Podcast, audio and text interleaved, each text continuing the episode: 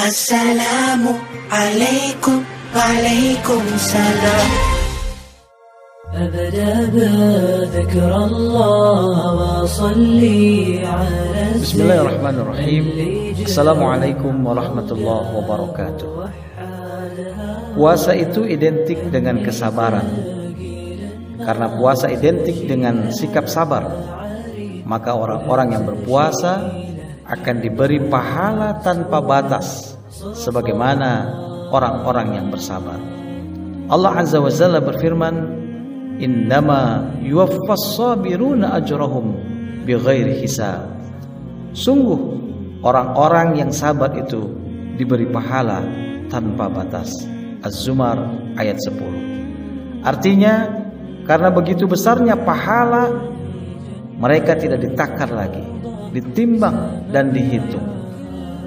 Apalagi puasa di tengah wabah seperti saat ini. Tentu pahalanya akan jauh berlipat ganda. Sebab puasa di tengah wabah menggabungkan setidaknya dua kesabaran. Pertama, sabar dalam ketaatan, yaitu menahan makan, minum, dan hubungan suami istri.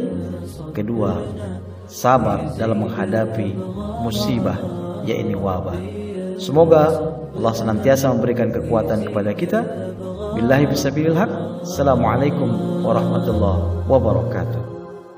Assalamu alaikum wa salam.